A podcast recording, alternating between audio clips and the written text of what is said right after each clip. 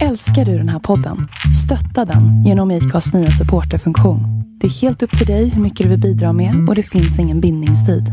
Klicka på länken i poddbeskrivningen för att visa din uppskattning och stötta podden. Hey, I'm Ryan Reynolds. Recently, I asked Mint Mobile's legal team if big wireless companies are allowed to raise prices due to inflation. They said yes. And then when I asked if raising prices technically violates those onerous two-year contracts, they said, "What the f*** are you talking about? You insane Hollywood ass." So to recap, we're cutting the price of Mint Unlimited from $30 a month to just $15 a month. Give it a try at mintmobile.com slash switch. $45 upfront for three months plus taxes and fees. Promo for new customers for limited time. Unlimited more than 40 gigabytes per month. Slows. Full terms at mintmobile.com. Ever catch yourself eating the same flavorless dinner three days in a row? Dreaming of something better? Well, HelloFresh is your guilt-free dream come true, baby. It's me, Kiki Palmer. Let's wake up those taste buds with hot, juicy pecan-crusted chicken or garlic butter shrimp scampi. Mm. Hello Fresh. Stop dreaming of all the delicious possibilities and dig in at HelloFresh.com. Let's get this dinner party started.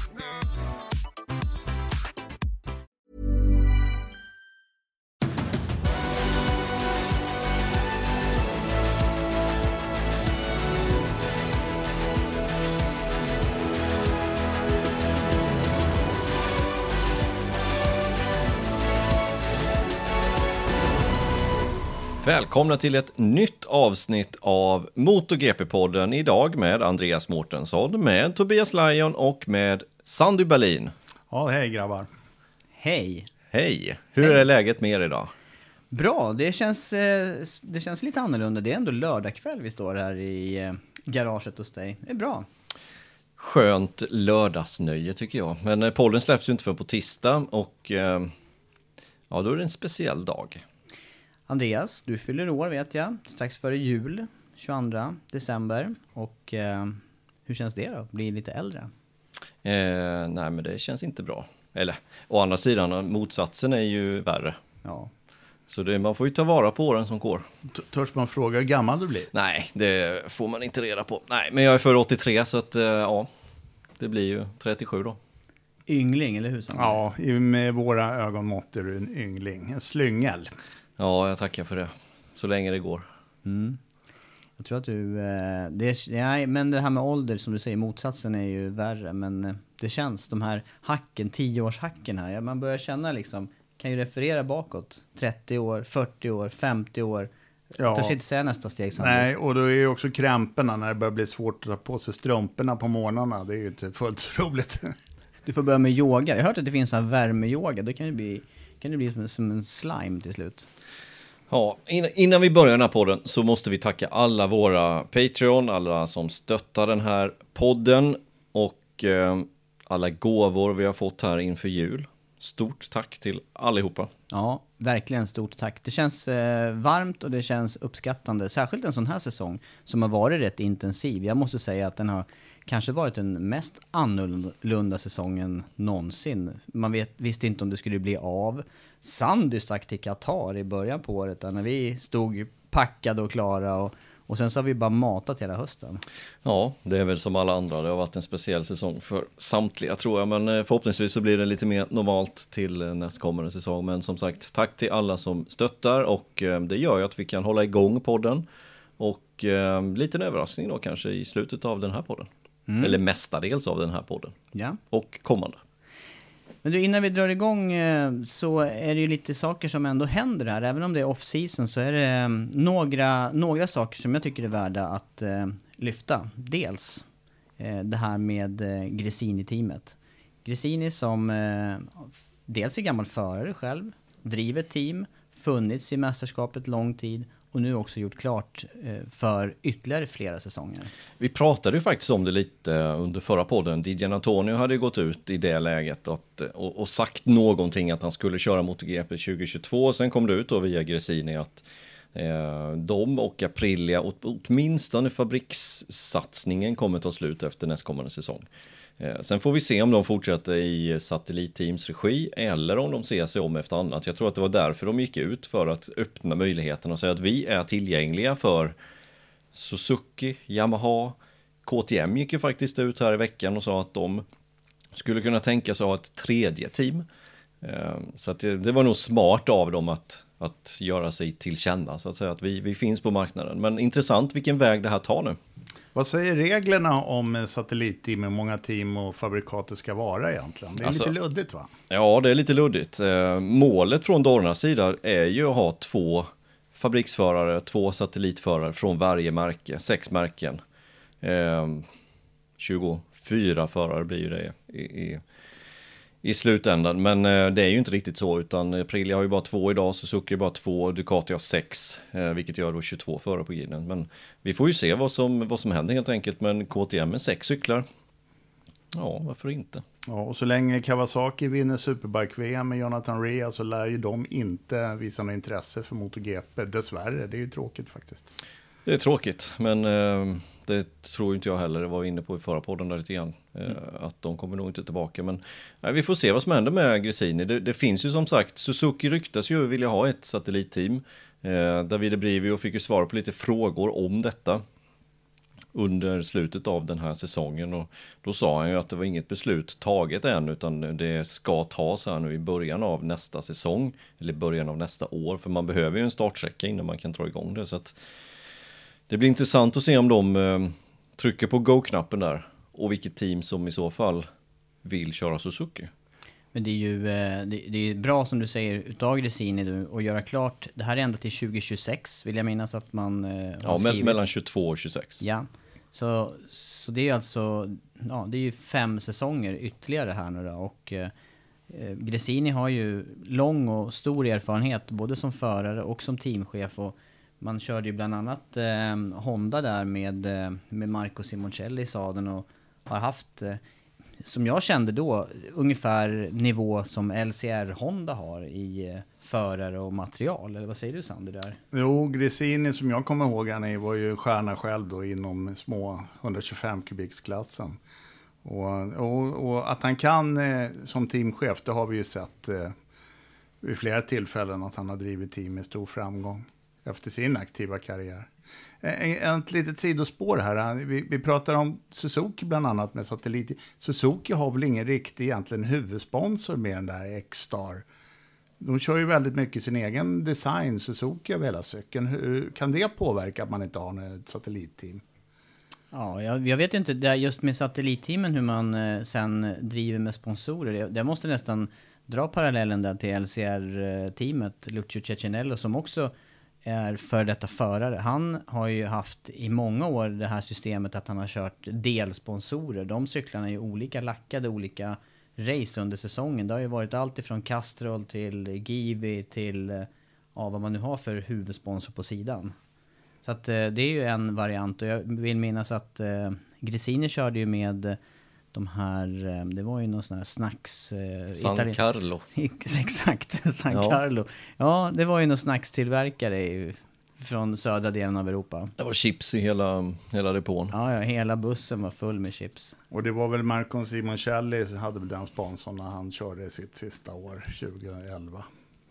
Men det här med det är ju högintressant. Det måste ju vara högintressant att få de här, eh, om, om Suzuki nu, vilket jag tror att de är intresserade av, att ha två cyklar till Eh, om man kan hitta budget för det så måste ju det vara högintressant för ett team och, och köra med Suzuki-cyklar med de framgångar man har haft nu, särskilt senaste året. Ja, det, det, blir ju intressant att se. Om Suzuki väljer att göra det så, så är det ju tre team som knackar på där skulle jag gissa på. Både Petronas, eh, Valentino Rossis team eh, och Resini. Eh, det, är, det är inga dåliga cyklar uppenbarligen. De blir etta, trea mästerskapet, vinner teammästerskapet. Så att, Eh, int intressant ändå och, och då står ju två Yamaha-cyklar i så fall. Vem tar dem? Eh, ja. Ja, det, det, här är, ja, det här går ju knappast att väga för, alltså vi kan ju inte... Nej, vi har ju inte... ingen insyn i det. det. Vi måste prata med Johan här, det ska vi göra i början på nästa år och prata med Johan just om, eh, om framtid där. Um, ja, vilken väg som det teamet ska ta. Men Rossi har ju i alla fall tagit en väg in i MotoGP nu till nästa säsong just med Luca Marini där och eh, med då en Ducati-cykel. Men det är ju som sagt var, det måste ju vara någon slags övergångsfas. Jag tror ju knappast att det är tänkt att fortsätta med Ducati där. Det är, det är inte vad jag tror, tror. Det tror inte jag heller faktiskt. Utan eh, det, det, är nog bara för att kunna ta över de två platserna som Avincia-teamet eller Sponsorama-teamet har idag. Eh, Så att de kommer in i, i MotoGP, även fast de säkert hade fått två platser någon annanstans om de väl hade velat. Men det är ju spännande säsong 2022 då med tanke på att många förarkontrakt går ut och det är även då de här stora förändringarna mellan teamen. Så att man kan ju tänka sig att början, det kan ju, det kan ju redan tidigt säsongen 2021 börja röra på sig i de här kontraktsleden. Det som har varit kul också under de här senaste säsongerna är att rookieförarna faktiskt har eh, utmärkt sig och hävdat sig. Och då tänker jag då på Oliveira och Binder. Nya förare, nu Bagnaia som börjar på att göra resultat och visa sig riktigt snabb. Det, det, det, jag tycker det är en positiv trend. Många gånger, många år tycker man har sett de här nya förarna som kommer upp i MotoGP. Det tar lång tid för sig att etablera om de överhuvudtaget lyckas. Och det har väl att göra också med att det har varit jämnare maskinmaterial, ett reglemente som också är jämnt över eh, alla team, inklusive satellitteamen. Jag, jag snöade in lite på Gresini här eh, när vi pratade om han, vad han har gjort förut och sådär innan Simoncelli. Simoncelli körde ju för honom med, med stor framgång, men Simoncelli lyckades ju aldrig ta en seger till slut i MotoGP, utan den andra den tredje platsen bäst. Men han har ju faktiskt tre år i rad, 03, 04, 05, så blev hans förare i MotoGP två i mästerskapet. Och då var det med, törs jag knappt, det här kommer jag knappt ihåg. Vad sa du? Noll? 03, 04, 05. Kan Melandri ha kört där? Mm. Det först var det ju Sete då, 03, 04. Eh, och sen 05 med, Landry. Som slutade två i mästerskapet. Så att, ehm, och då var det ju Rossi som vann alla de tre säsongerna. Honda var ju bra på den tiden. Jamman var ju inte jättebra, i alla fall inte 03. Sen blev ju Jamman bra när Rossi kom dit. Och Fausto Gresini har haft en hel del oflyt. Först då med Dairo Kato och sen också med Marcon Simoncello. Han har haft två förare som har förolyckats. Det, det är ju inte så ofta det händer, men de gånger det har hänt är det han som har blivit drabbad känns det som. Ja, Ja. Ja, vi får eh, se tiden an när det gäller eh, fortsättningen kring Gresini-teamet. Ska vi fortsätta nyhets, det lilla nyhetssvepet? kör. Eh, Eh, det, är, det nästa punkten gäller ju en eh, utav eh, banorna på kalendern. Och Barcelona pratar vi om och där så håller man på att tänka till med banlayouten. Och eh, genast får jag, får jag upp en sån här anekdot. Jag tyckte det var så himla roligt. Det, det handlar om är ju avslutningen på banan. Eh, och eh, när vi var på plats där Andreas och eh, såg första MotoGP-träningen. Man sitter ju väldigt högt i kommentatorshyttar. Då var det ju en förare som gav sig av på någon felaktig slinga där. Man undrar ju... Och det var inte ett varv, det var ju flera varv. Jag kommer ihåg Minns det. du det här? Jag satt Ja, ja, ja. tvn. Det var Jack Miller som eh, tog en alternativ bansträckning den gången. Men Ja. den vart väl permanent sedermera. Gjorde man inte om sträckningen? Det var fram och tillbaka där vilken man skulle välja. Eh, först var det ju, och, och nu pratar vi slutet av varv näst sista svängen och sista svängen. Där man gjorde en chikanliknande ja, sväng som man kör då i Formel 1 och då var man tvungen att göra den kurvan på grund av Saloms olycka där och då körde man den. Men det är inte där man ska göra om utan det partiet kommer ju se likadant ut. Det har du gjort nu de senaste åren med de här ordinarie sträckningen. Nu har man ju fixat läktarna där Salom då förolyckades, apropå det här med svåra olyckor. Nu har man ju bättrat på avståndet där och flyttat ut den läktarsektionen. Ja, Men, exakt. men nu är det ju istället den här eh, sektionen, den berömda sektionen som, heter den Lorenzo-kurvan eller vad heter den numera? Den borde nästan eh, döpas, jag tror den heter Kaja. Kaja. Eh, kurva 10, efter eh, bakrakan då helt enkelt, där Lorenzo då bromsade på sig och drog med sig Dovizioso, Vinales och Rossi då under förra årets race, 2019s race. Det måste ju ha varit en tidernas strike när det handlar om, hur många fabriksför fick han med sig sa du? Ja, Plus sig fyra. själv. Plus sig Fyra själv. inklusive sig själv. Ja, herregud. Ja, Ska vi- ska- Många tyckte ju att Årets- mästerskapet avgjordes i med den vurpan också. Ja, det gjorde det lite, även fast Marquez var helt överlägsen. Så på något sätt, det var ju där som luckan växte till över ett race fördel för Marquez. Och sen kommer man väl i den situationen, då, då, är det, då ska det mycket till att komma ikapp. Men det som det handlar om nu, det är att man tänker göra om layouten där. Och det här, ursprungligen, jag har kört race där med den tidigare layouten, där man eh, då går ner i den här mjuka, ja, är den 180 Runda. grader? Ja, rund sväng, men med kort avåkningszon. Du, kör, du har väl också kört den? Jag har tävlat på den, eh, den ordinarie slingan. Men sen har man ju gjort om det där. Det gjorde man ju samtidigt som Saloms olycka där för fyra år sedan. Och då, då valde man ju F1-slingan där också. Och där har jag med kört de här ombordvarven och varenda gång jag kommer dit så bromsar jag på mig. För den svänger ju alltså mer än 90 grader. Eh, alldeles för mycket svänger helt enkelt. Den är, den är helt konstig att köra med motorcykel. Och kan man inte säga också att det är ett spår in där? På Jo, vis? jo. Och vi såg ju första året de körde det. Då var det faktiskt Lorenzo som blev omkulldragen. Var det inte Janonen som körde rakt på honom och missade inbromsningen helt? Ehm, så att den ska göras om. Det ska bli någon, något mittenaktigt där. Ehm, inte lika långt för att problemet är att avåkningszonen inte räcker. Det räcker inte till efter man, eftersom man kommer från bakrakan hög hastighet.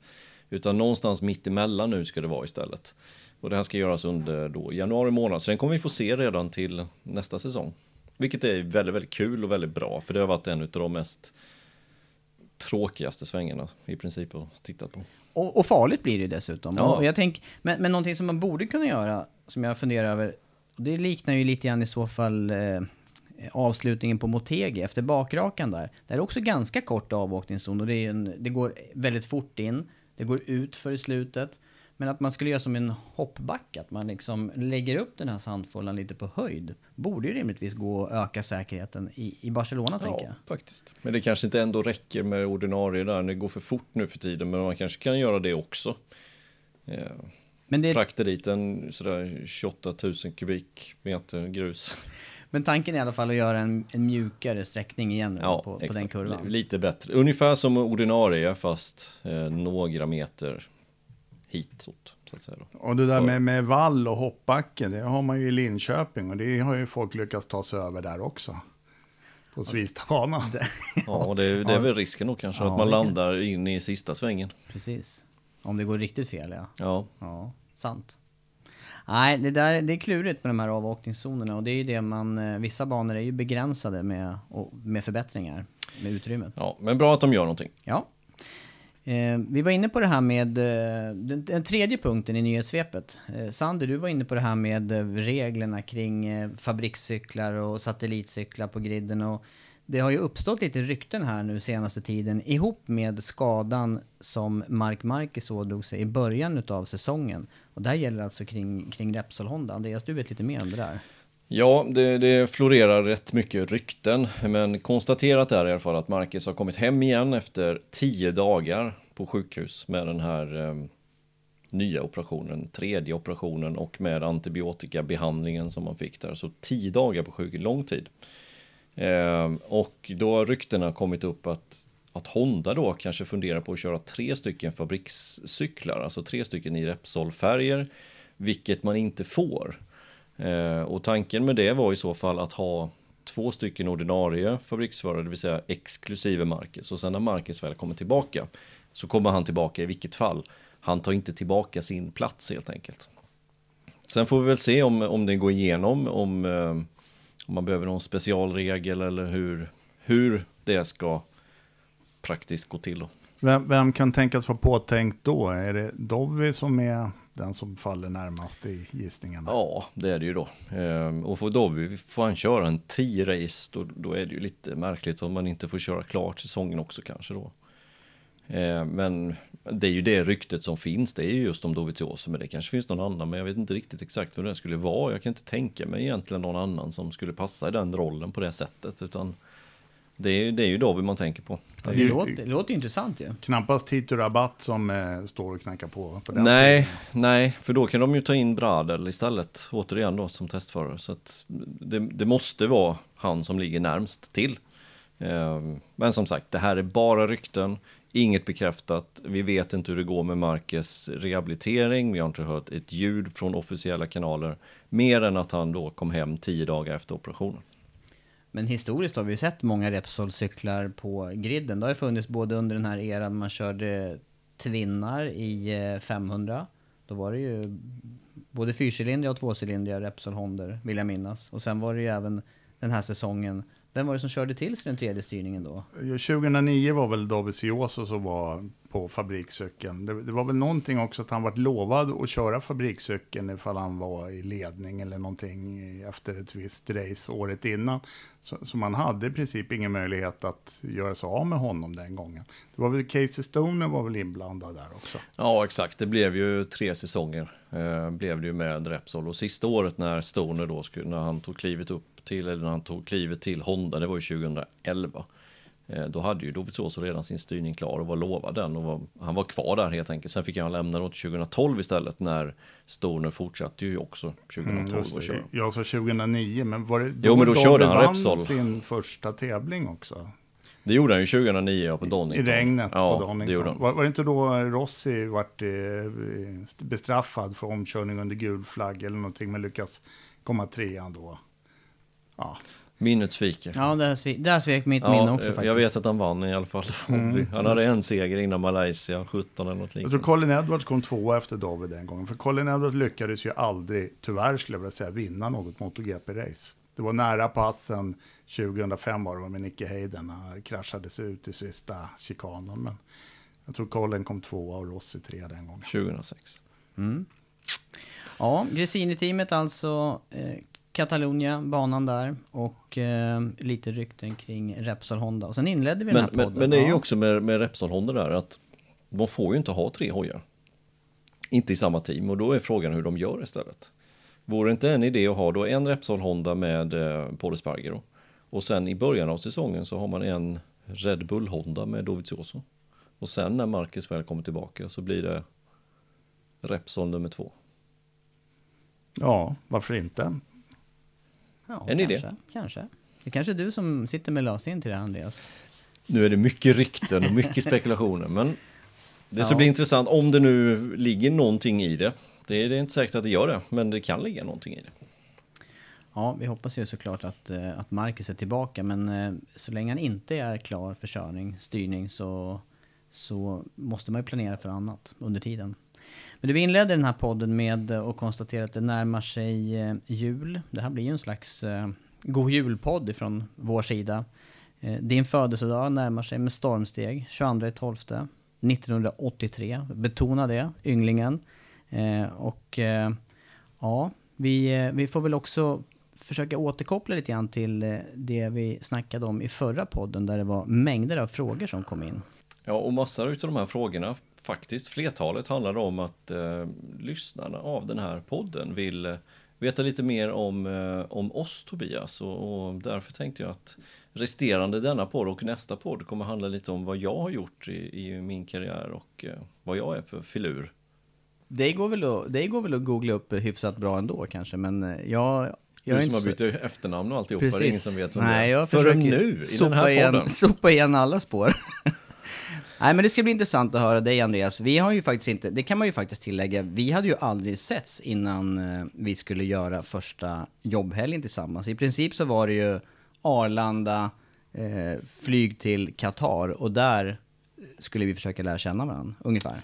För första racet vi skulle kommentera ihop, ja. Och det är, det är faktiskt mer än två, tre år. Det är faktiskt fyra år nu som, jag, som vi har jobbat tillsammans. Det blir femte året nästa år. Ja, det går fort. Mm. Och jag har ju jobbat med er bägge två. Eh, Jag har faktiskt inte jobbat så mycket med Tobbe. Vi har så att säga mötts vid kommenteringar. Tobbe som eh, vi får höra lite mer om i nästa avsnitt. Eh, Vi jobbade ju på Eurosport ihop under många år. Du var ju radarpar med Peter Äpple Dahlbom för MotoGP. Andreas kom ju också in via Eurosport som kom för kommenteringen och där jobbade vi ihop. Innan de mer eller mindre headhuntade över dig till eh, Viasat Motor som det hette då. Numera V-sport Motor. Men jag tror vi börjar nu med Andreas. Eh, fullständigt namn och var är du född och när är du född? Eh, men jag är född eh, 1983. Jag är född i Jönköping och jag heter Andreas Mats Volmar Mårtensson. Vilken församling? Eh, Sofia församling. Ja, det är religiöst det där i Jönköping. Det känner vi ju till. Sofiakyrkan. Det är en mäktig kyrka i Jönköping. Har du något eh, favorithockeylag från regionen? Ja, det har jag definitivt. Det är väl den enda sporten som jag riktigt brinner för, så är det ju HV och hockey. Dessvärre så går det ju ganska risigt i år då, men, eh, men eh, självklart är det HV. Mm, anledningen att jag frågar är för det här visste jag ju såklart om. För Andreas och jag har ju gått på lite matcher och jag själv är djurgårdare. Och så här långt så är det ju 3-1 till HV på de matcherna vi har besökt. Och jag kan tala om att eh, jag är väl sådär lagom intresserad. Jag håller väl på ett lag för man skulle det. Men när det blir mål för HV på de här matcherna vi går. Då är det en kille i Djurgårdsklacken som står upp och skriker och det är ju Andreas då som har hamnat där på grund av att eh, min gamla mekaniker har ordnat biljetter som är funktionär. Men du är inte rädd för att säga sin åsikt Andreas, eller hur? nej, nej, absolut inte. Och det här är ju medelålders män. Vi är ju inte på någon ståplats. Att han överlever ju de där uh, jubelropen. Även om de känns som de är lite malplacerade emellanåt. Men vi har haft trevligt i alla fall. Men du, att det inte blev hockey då för dig, vad, vad, berätta lite grann om, om eh, vad som hände sen efter för If you're looking for plump lips that last, you need to know about Juvederm lip fillers. With Juvederm Volbella XC and Juvederm Ultra XC, your lip look, whether it's subtle or bold, can last up to one full year with optimal treatment and no additional maintenance. Find a licensed specialist and see if it's right for you at juvederm.com today. That's J U V E D E R M.com. Add fullness to lips in adults over 21 with Juvederm Volbella XC or Juvederm Ultra XC. Do not use if you have severe allergies or a history of severe allergic reactions, or if you're allergic to lidocaine or the proteins used in Juvederm. Tell your doctor if you have a history of scarring or taking medicines that decrease the body's immune response or that can prolong bleeding. Common side effects include injection site redness, swelling, pain, tenderness, firmness, lumps, bumps, bruising, discoloration, or itching. As with all fillers, there's a rare risk of unintentional injection into a blood vessel, which can cause vision abnormalities, blindness, stroke, temporary scabs, or scarring. For full important safety information, visit juvederm.com. I'm Sandra, and I'm just the professional your small business was looking for. But you didn't hire me because you didn't use LinkedIn jobs. LinkedIn has professionals you can't find anywhere else, including those who aren't actively looking for a new job but might be open to the perfect role, like me. In a given month, over 70% of LinkedIn users don't visit other leading job sites. So if you're not looking on LinkedIn, you'll miss out on great candidates like Sandra. Start hiring professionals like a professional. Post your free job on linkedin.com/achieve slash achieve today. Ever catch yourself eating the same flavorless dinner three days in a row? Dreaming of something better? Well, HelloFresh is your guilt-free dream come true, baby. It's me, Kiki Palmer. Let's wake up those taste buds with hot, juicy pecan-crusted chicken or garlic butter shrimp scampi. Mm. Hello Fresh. Stop dreaming of all the delicious possibilities and dig in at HelloFresh.com. Let's get this dinner party started.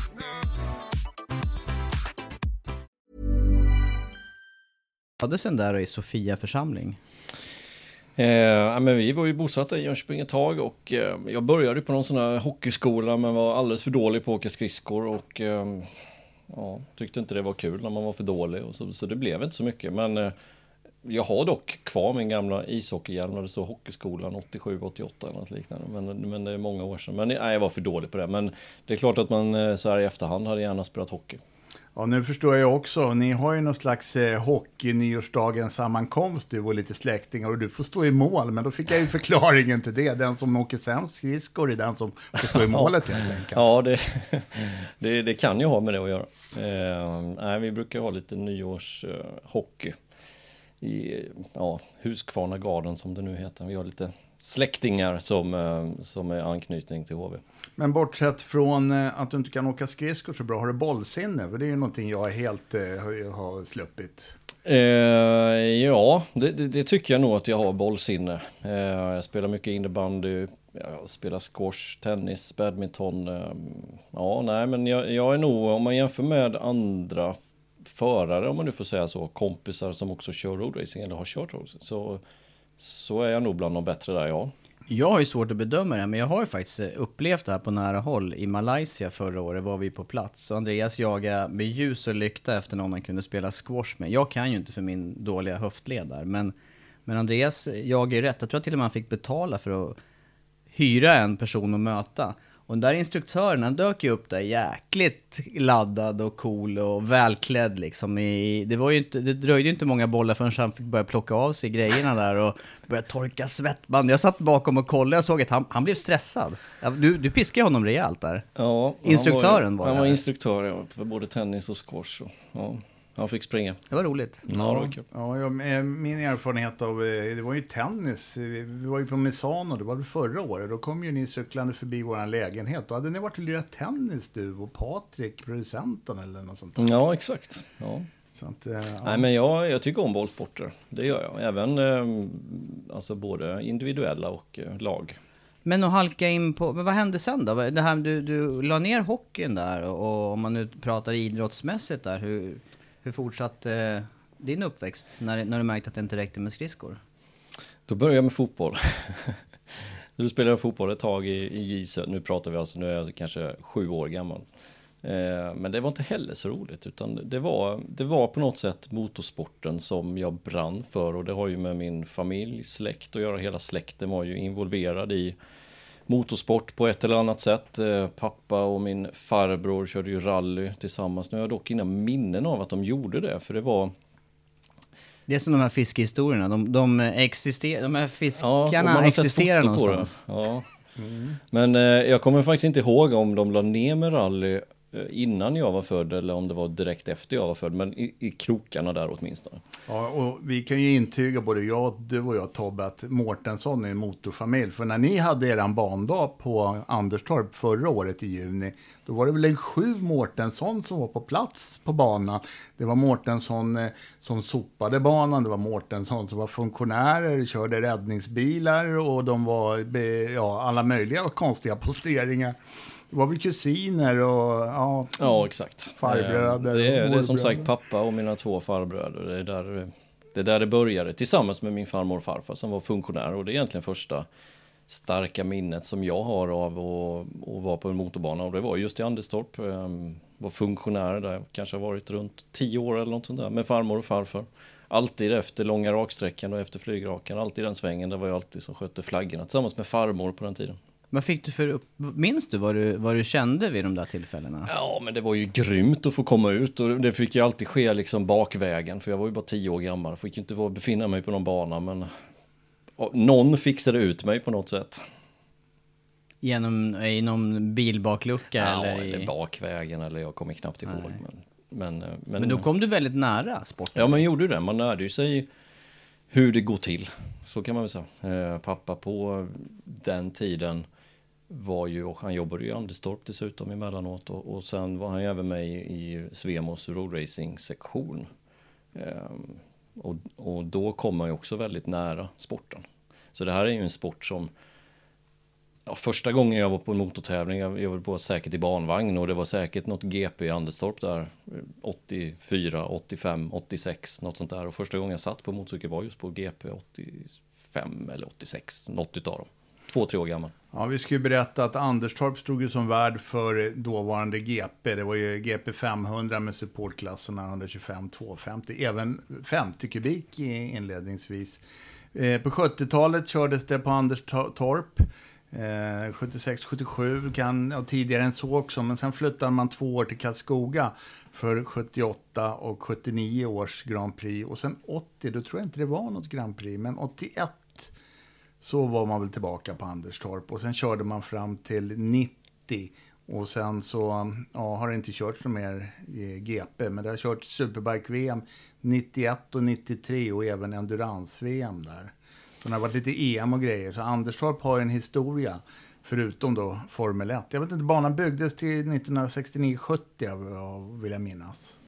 Ja, det kan nog stämma. Det var ju några år innan jag var född där, men eh, i alla fall från 86 där så var ju pappa tävlingsledare på GP'na i Anderstorp. Så att, eh, ja, man är ju uppvuxen där på något sätt. Men det är roligt för här korsas ju, det är bara ett inpass, det här korsas ju våra vägar på något vis. Vi snackade inför den här sändningen om eh, någon hade upplevt det där från eh, publikhåll och Sandy var ju på något vis, du, var ju, du är ju några år äldre än, än till och med vad jag är och du hade ju möjlighet att ta dig för egen maskin till Anderstorp under den här GP-eran. Jag var där i egenskap av barn, jag var där 81, 11 år gammal och kollade på 500 VM då. Barry Sheen vann. Ja, exakt. Och du var där säkerligen med något knuttegäng och Andreas låg och ruvade någonstans och Nej, inte, väntade. inte 81. Nej, men jag Då- menar ju det. Du låg ju på vänt. Då, men jag var på väg. Påtänkt. Påtänkt ja. ja. de, de, jag har faktiskt inget minne av um, GP i Anderstorp. Eh, som sagt 83 jag född, sista var 90. Så att, nej, jag, jag har inget minne av det. Däremot har jag minne av både Super-VM och Endurance-VM 93. Eh, 93 så var det första gången som jag egentligen fick eh, sova i tält själv skulle jag få göra där natten mellan lördagen och söndagen. på Endurance-VM. Och som alla vet så var det världens regn i 24 timmar. Så det blev inget. Det stod två decimeter vatten i det här tältet och jag var skitledsen för det. Men så var det. Ja. Men du, den här närheten då till... Men, vad, blev, du, blev du fast i, i det här med motorcyklar eller eh, motorsport i och med då att du blev eh, medtagen till banan och kom så där nära så tidigt? Ja, det blev ju så. Eh, vi åkte ju runt på alla SM och eh, det fanns ju bara det här i huvudet att jag skulle börja köra själv någon gång. Eh, och när man är 7, 8, 9, 10 då, då var det bara det här som gällde för min del. Intresset växte, växte, växte ehm, och sen då till slut efter mycket om och men så fick jag ju själv börja köra eller börja testa då 96, 13 år skulle jag fylla, jag skulle vara 12 år när, när jag började och det var ju första året man, eh, man eh, fick ta licens också, man var tvungen att vara 12 år. Men det är ganska ungt, med, med svenska mått mätt så är det ganska ungt för att börja med, med racing eller på asfalt. Då är det ju, där jag kommer från Eskilstuna, där var det ju vanligare med speedway eller att man körde cross eller de här tillgängliga. Nu var det ju tillgängligt med Anderstorp på ett annat sätt. Det var tillgängligt med Anderstorp och sen så att, eh, att min far då helt enkelt både var tävlingsledare, domare och satt i sektionen så blev det ju liksom det blev ju naturligt att vara runt på alla de här racen långt innan jag själv började. Så att första gången man var på Knutstorp eller Mantorp eller Karlskoga, det hade jag ju varit på flera år innan jag väl fick köra själv. Det måste ha varit en fördel när du väl, Ja, när, när väl, jag visste när väl din allting karriär fungerade. drog igång. Jag visste ju allting fungerade.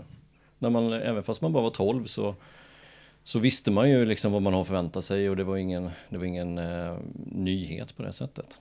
Ska vi backa bandet lite grann? Din första motorcykel, vad var det för någonting? Var det någon knattekross? Eller hade Nej, det var det faktiskt inte. Eh, jag hade bara kört lite moped. eh, Ja, får man ju inte säga då, för det måste man ju vara 15 för. Men tidigt, tidigt, tidigt. Eh, moped och, och småcyklar, här Honda.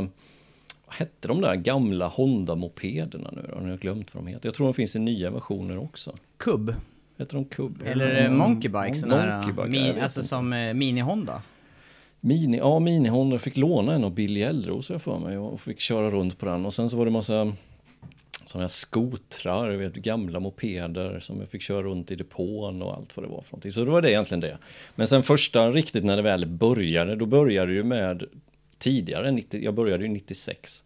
Tog min licens 96 och det började ju tidigare än så för det var Västra MK och Linköpings MS, de köpte in fem stycken sådana här Yamaha YSR 80. Fem var köpte de in. Och ehm, de hade man ju suktat efter, för det är alltså små motorcyklar, 80 kubikare. Eh, de hade man ju suktat efter när man hade sett dem, man hade sett de som körde dem och de ville man ju köra. För det var ju lagom när man var 12 år gammal. Eh, och något år innan där så hade vi haft, det var någon MC-mässa vill jag för mig, och då hade vi haft två eller tre av de här cyklarna hemma ståendes för att pappa skulle leverera dem till någon mässa på något sätt. Och då hade de stått i vardagsrummet hemma hos oss.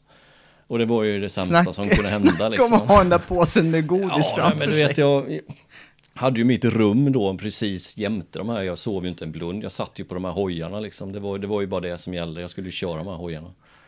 Och sen efter mycket om och men så i alla fall så fixade ju pappa att vi fick låna en cykel ifrån Linköpings MS. Eh, och då började det. Mm, jag kommer ihåg de här cyklarna, för jag var ju med i Västra Motorklubben och vi hade ju också fem stycken som sagt var. Och vi utrustade dem där med glasfiberkåpor, la undan originalkåporna åt sidan. Och så provade vi och körde de där på Barkarby. Det var faktiskt jag, Äpplet och Kralle och några till. Jag undrar om inte Håkan Olsson var med också. Och eh, Barkarby hade de någon konstgjord gokartbana. Det var däck som var utlagda, men det var betong. Så det var galet bra grepp med de där. Vi åkte ju alltså med ja, nästan armbågarna och knäskrap. Och vi gjorde en och annan vurpa med de där också. Men vi hade ju utrustat de där så de tålde ju rätt mycket stryk.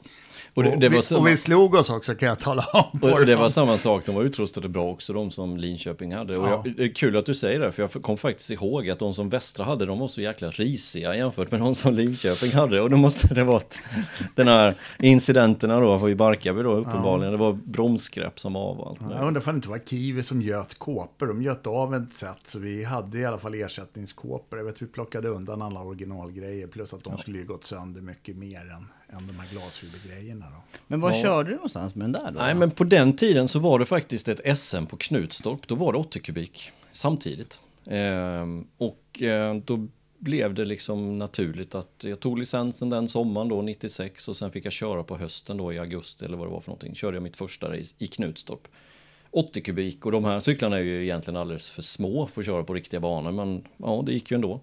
Hade Och- inte danskarna en, en kupp med sådana här cyklar? Jo, det, var ju på grund av att det var danskt mästerskap samtidigt. Det var därför som det var just 80 kubik på Knutstorp. Eh, och eh, om inte jag minns fel nu, jag vet att de körde, men jag kommer inte ihåg vem som vann utav dem. Men jag tror faktiskt att Robin Harms vann det racet. Före Sonny Harms. Och då körde de på Hondan istället och Hondan var ju strået vassare på 80 kubikerna. Yamaha var lite efter. Yamaha är ju luftkyld och YSR 80 pratar vi.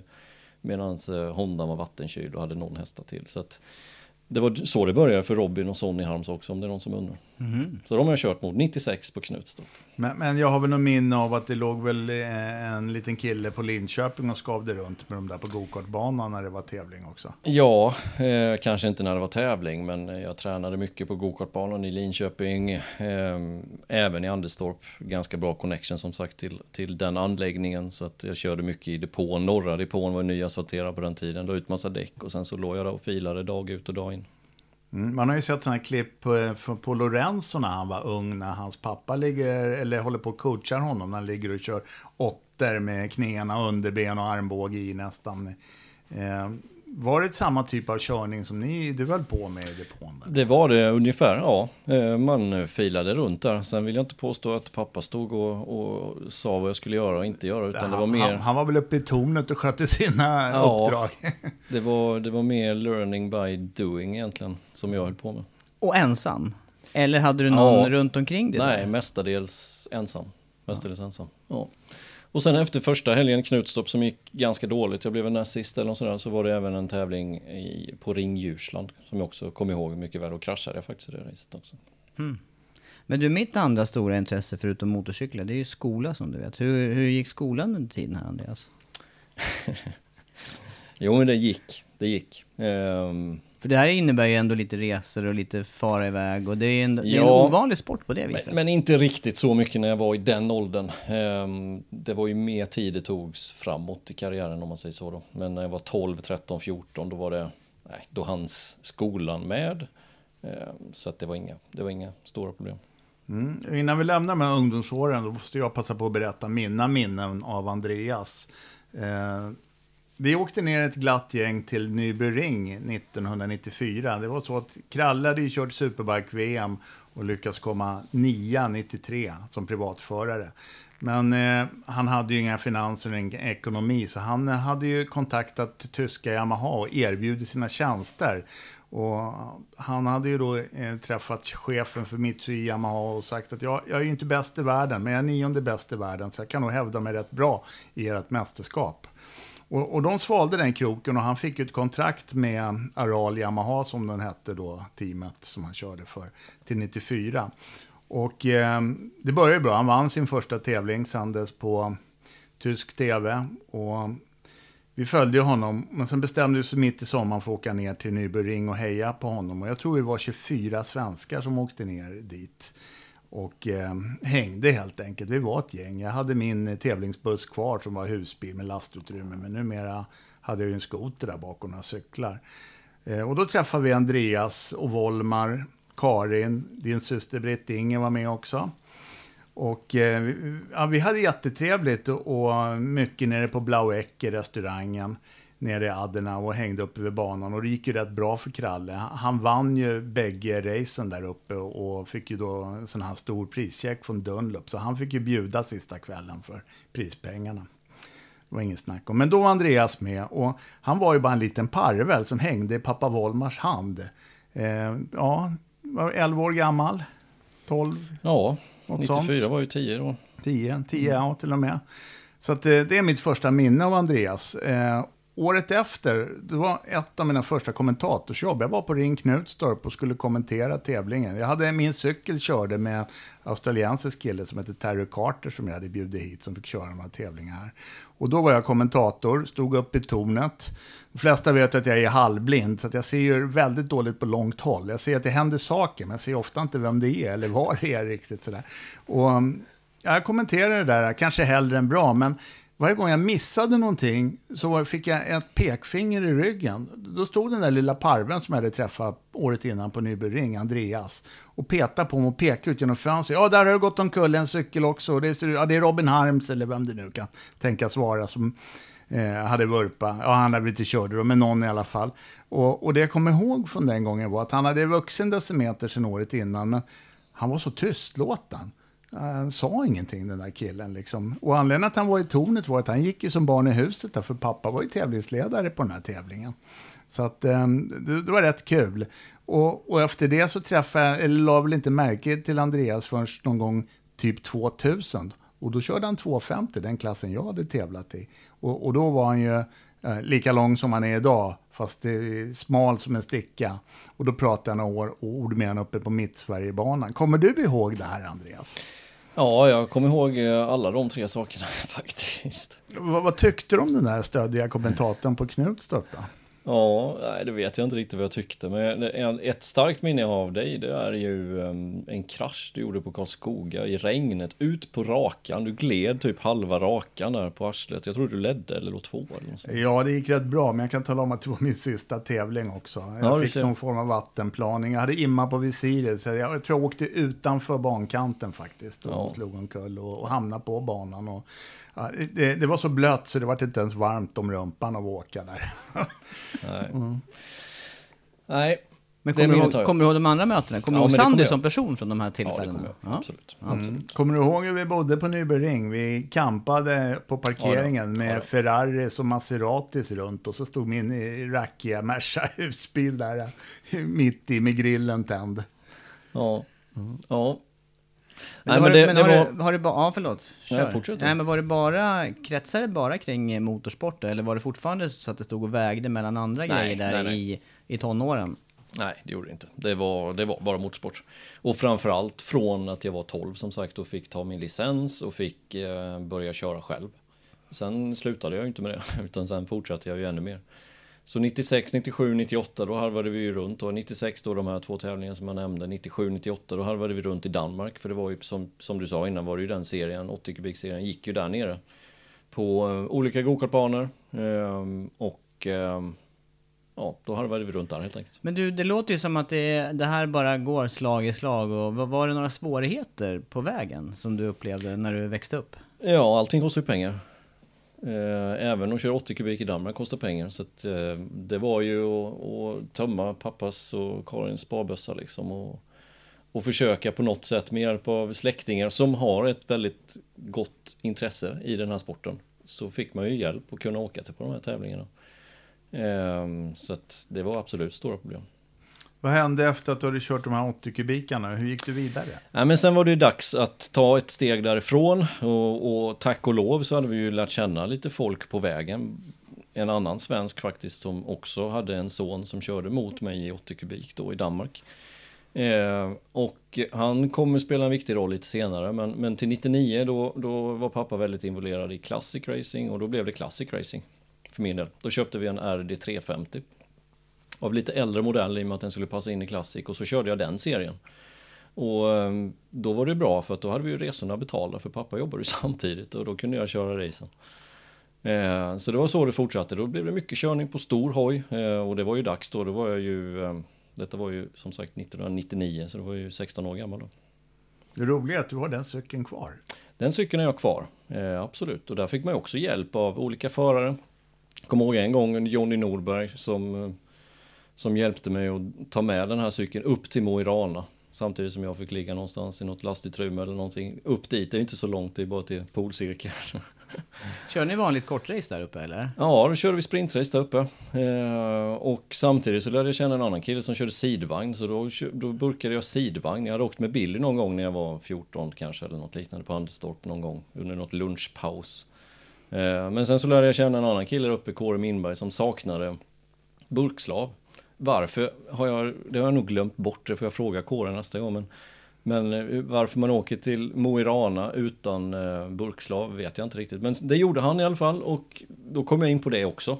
Så då burkade jag hela den säsongen och körde solo. Det är väl som med sidvagnsracer, de saknar väl spärrar, det är väl det? Ja, det, Likväl det, som du som hoppar i, hoppar i holken där. det gjorde det lite också för Kåre, men eh, det slutade väl också, för det var första gången jag burkade ordentligt och vi blev väl tvåa första racet, sen vann vi alla de racen som var kvar, varav båda på Linköping och det var ju EM-status på den, så att ett EM-guld har jag ju ifrån sidvagnsburkslaveriet där på 99. Men hur var det? Ja, det är häftigt alltså. Hur var det egentligen? Ja, måste men det var, eh, alltså, jag var 15-16 år gammal, det var inte så att jag funderade på att det var farligt eller sådär, utan det var bara att hoppa på.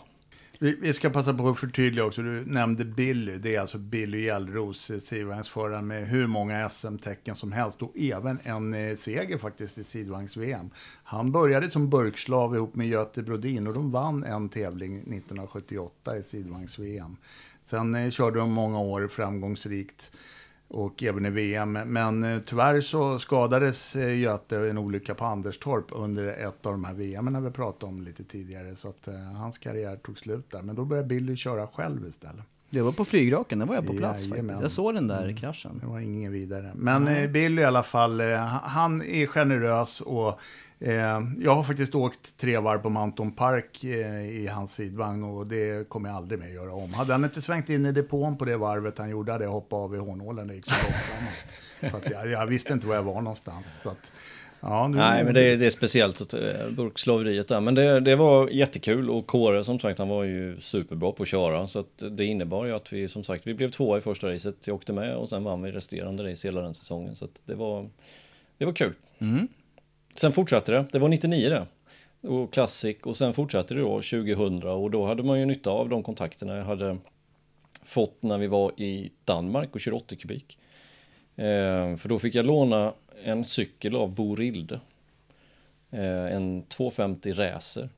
Eh, så man går alltså från 80 kubik till RD 350 Classic och sen så blir det helt plötsligt då 250 Racer som kanske är den mest avancerade klassen som fanns då på den tiden. Och detta var alltså till året 2000 och jag visste väl inte riktigt vad jag gav mig in på när jag tackade ja till att låna den där cykeln. Men, men eh, den cykeln körde jag sen i tre år men lärde mig extremt mycket på den tiden. Borilde tävlade jag mot faktiskt. Kan tänka Han hade det. den cykeln då också tror jag. Och det var det jag refererade till när jag träffade dig på Mittsverigebanan. Då hade du Borildes cykel. Ja, det hade jag. Och jag kommer ihåg första racet på, på Anderstorp. Det var alltså mitt första SM kan man ju säga om man tar bort 80 kubiker som inte riktigt var SM-status på den klassen. Men första racet på Anderstorp, jag tror jag körde 1.56. Det var min bästa varvtid den helgen. Och det är ganska långsamt om man jämför med att jag åkt, totalt sett har jag åkt snabbast på 1.32. Men eh, det var mitt första race som sagt med 2.50 och på något kval där så, så kom Matti Maranen på utsidan, skulle köra om mig på yttern i Hansen. Och så duttade han till mitt framhjul så att jag stod på öronen där, så det stod härliga till. Så Matti Maranen petade omkull mig där. Jag kan tala om att jag har petat omkull Matte Maranen i Ja, men då, Hansen, då, så då- då är du even. Men han åkte kanske en, eh, en 37 eller någon sån där, liksom 38 kanske. Han var ju grymt snabb, Matti. Han var ju, jag vet inte om han vann SM året innan eller år, det året, men, han var grymt snabb i alla fall.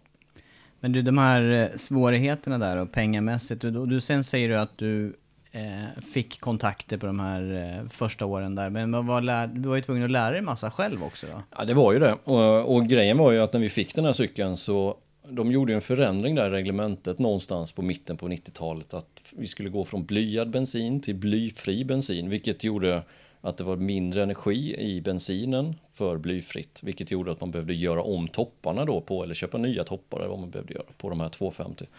Och det, här, jag hade ju ingen aning om det här överhuvudtaget, så att vi brände ju kolv efter kolv efter kolv efter kolv här i början på säsongen, men sen så får man ju lära sig allt eftersom och eh, fick tag på en, en ritning eh, på hur en to- sån här topp ska se ut och sen så hade jag en kompis som var lika gammal som mig som praoade på en sån här mekanisk verkstad. Och så svarvade vi om mina toppar och som sagt göra det när man är 16-17 år gammal. Man får lära sig rätt snabbt när man håller på med den här sporten. Så kan man säga. Fördel på många sätt då, men det, det, det, vad heter det, samtidigt, ja, man tvingas lära sig. Man tvingas lära sig. Ja, och den där eh, ritningen den fick jag ju faktiskt av Robert Ek en gång i tiden och det, det, det ja, jag tror jag skyllde honom en singelmålt dessutom sen, sen jag fick den här ritningen. Får skicka den nu då. Det blev ingen, eh, du hjälpte inte till då, eller du betalade aldrig för det då eller? Nej, inte som jag minns, för jag visste knappt vad single malt var tror jag när jag var 17. Men kanske. Mm, Robert Ek, han körde ju rätt bra i 250 några, år- några år, så att eh, honom känner jag mycket väl. Ja, där kom ritningen i alla fall och sen fick vi svarva på nätterna då. Fixa i ordning de där topparna. Sen gick cykeln i alla fall.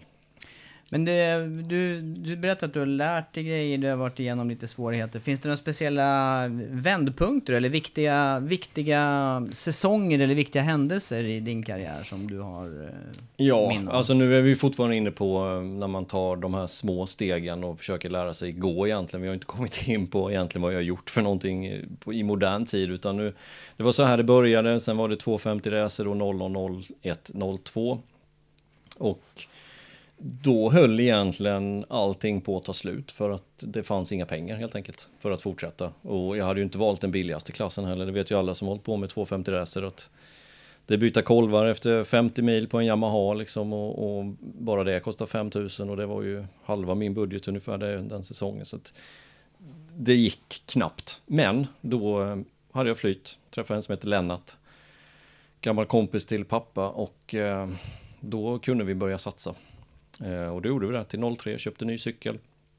X eh, watts cykel 2003 och så körde jag SM, några EM körde jag även den säsongen. Och lyckades bli då trea i SM när jag fick sitta på en, en hyfsad hoj från början. Vad skilde den cykeln du köpte mot den då du lånade av Borilde?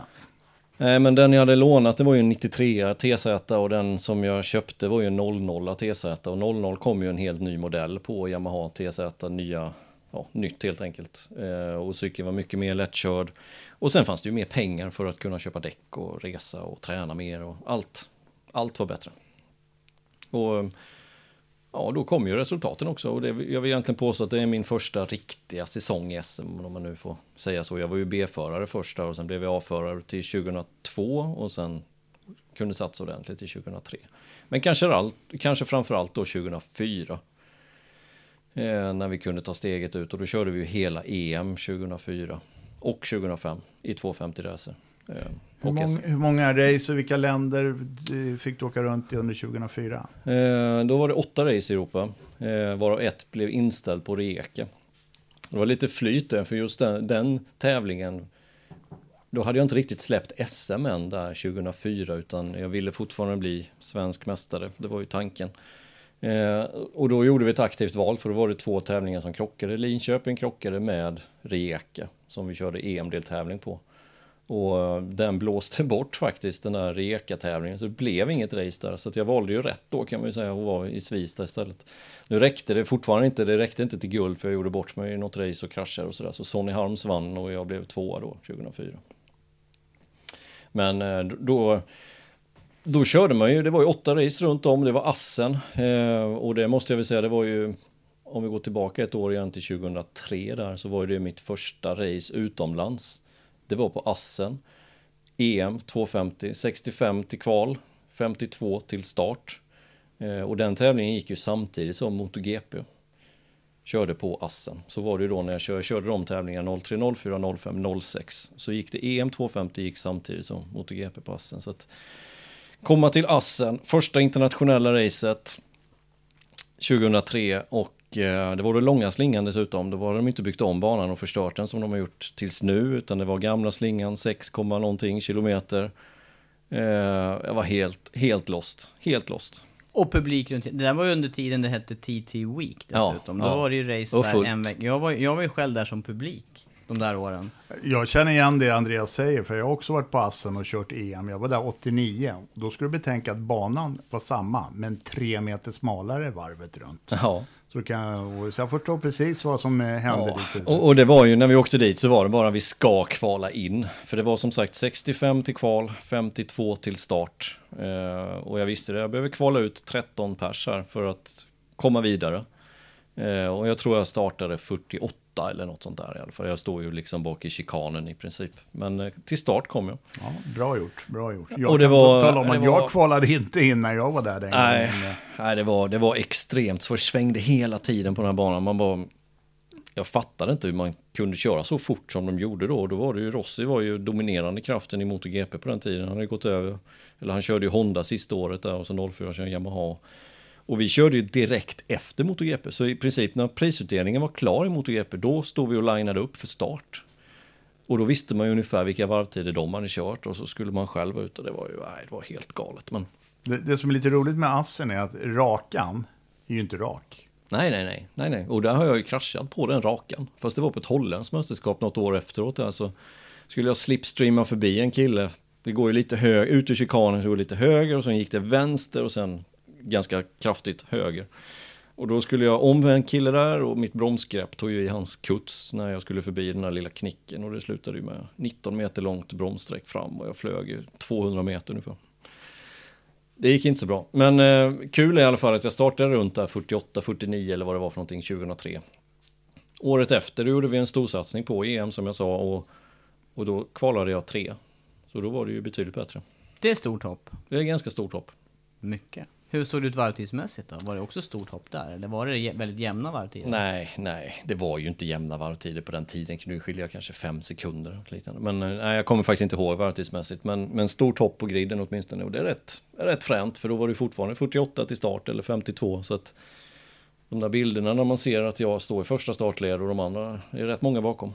Men förutom det här då, som du säger med antalet förare och eh, sen beskriver du banan då. Vad, var det, var, var det något ytterligare som du tyckte var skillnad att ta klivet ut och åka internationellt?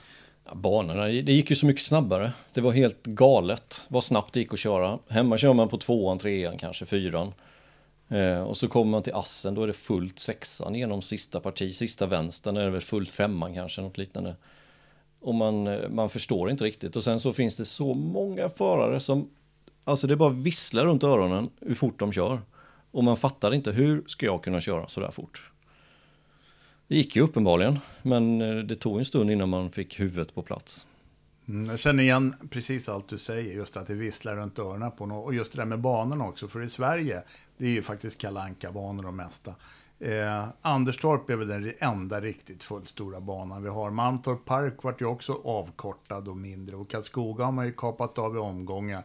Och den enda banan som det går lite fort på, det var ju Falkenberg på den tiden. Nu har man ju lagt in chikaner. Men när man kom till Assen och, och eh, jag kommer ihåg som jag sa, den var smalare banan, vilket gjorde att la du inte cykeln in i sväng, la, la du för tidigt, då åkte du av ut ur svängen eller fick tippa av gasen och då visslade det runt öronen på en. Så det, det var nästan en skrämmande upplevelse. Och, och, det som var skillnaden var att de här, jag var ju på Assen som sagt var, jag kvalade inte in, det var ju också så här idiotstora startfält. Sen var tävlingen efter på Anderstorp. Ja, då stod jag på 18 startruta och de här gubbarna som hade kvalat in på Assen, där inte jag hade en chans, då hade inte de kvalat in istället. Så man, man blir hemma, man ska ha hemmabana eller vara van, man ska träna mycket mer utomlands på sådana här banor som är olika de svenska. Ja, ja. Fast inget tv-spel då? Nej, det gick, gick ju inte att lära sig sträckan på heller. Men, men just det här att eh, man kände ju inte igen sig när man kom till Assen. Det, det, var så stor skillnad och så är det ju med många internationella banor att det är betydligt högre hastigheter. Man ska kasta sig in i sväng på ett helt annat sätt. Det som jag kommer ihåg från min session just på Assen. Eh, vi var ju där och vi fick åka alla träningar även om vi inte kvalade in till racet. Då kom vi till Linköping helgen efter. Det var inga problem att köra fortast och vinna i Linköping. Man hade med sig lite grann mm. av det här att bli omvisslad. Så nu visslar man om de svenska killarna som inte har varit med ute och försökt kvala in Visst. på EM. Det är ju den skillnaden som är när man kör internationellt, att man får, eh, man, man flyttar fram den här gränsen mot vad man trodde är möjligt. För man ser de andra åka åttor. Eh, 2003 då var det en kille som heter Taro Sekiguchi som han vann alla de åtta EM-tävlingarna, inklusive de två som jag också körde. Han, han var ju helt outstanding. Han körde oftast inte ens fredagsträningen utan han körde racet, kvalen racet och vann. Och, ja, han har ju även varit i GP-sammanhang och kört och där var ingen stjärna men men eh, i EM-sammanhang så var han en stor stjärna 2003. Var inte han på Anderstorp och körde något EM också? Jo, han vann ju det EMet där 2003. Ja, så det blev några race där och sen hela 2004 körde vi hela EM-serien. Ehm, tror jag slutade sjua totalt EM den säsongen. Och då satsade vi på EM, då åkte vi runt på alla de här åtta racen. Eh, och sen likadant 2005, då la vi helt ner SM, då blev det inga SM alls, eller det blev på Anderstorp, där jag kunde vinna då på hemmabanan. Och det kanske är en av de där segrarna som var mest skön egentligen så här efterhand, att vinna på hemmaplan. Körde en 36,9 vill jag för mig som snabbast där, så att, ja, hyfsat bra med en 250. Ja, det är bra. För att eh, Jan Kosinski, han åkte en 38,5 när jag var där 1988 eller 89. Ja, ja det här var 2005 då som sagt. Mm. Så 2005, det var ju egentligen då, 2004 började det lossna, men 2005 så då började jag känna att det här, det här går bra alltså. Det här går bra, då är jag 21 år gammal, så jag visste ändå att framtiden fanns. Och utvecklingen gick ganska snabbt där. Från, som jag sa, 2002, 3, 4, 5 det gick det rätt bra 2005. Vi körde hela EM och eh, till slut så lyckades jag ju ta det här bronset då i EM efter de här åtta deltävlingarna med med mycket, lite skicklighet och mycket tur. ja, det här var del ett i eh, Andreas Mårtenssons karriär och eh, nästa del får ni vänta på till nästa podd.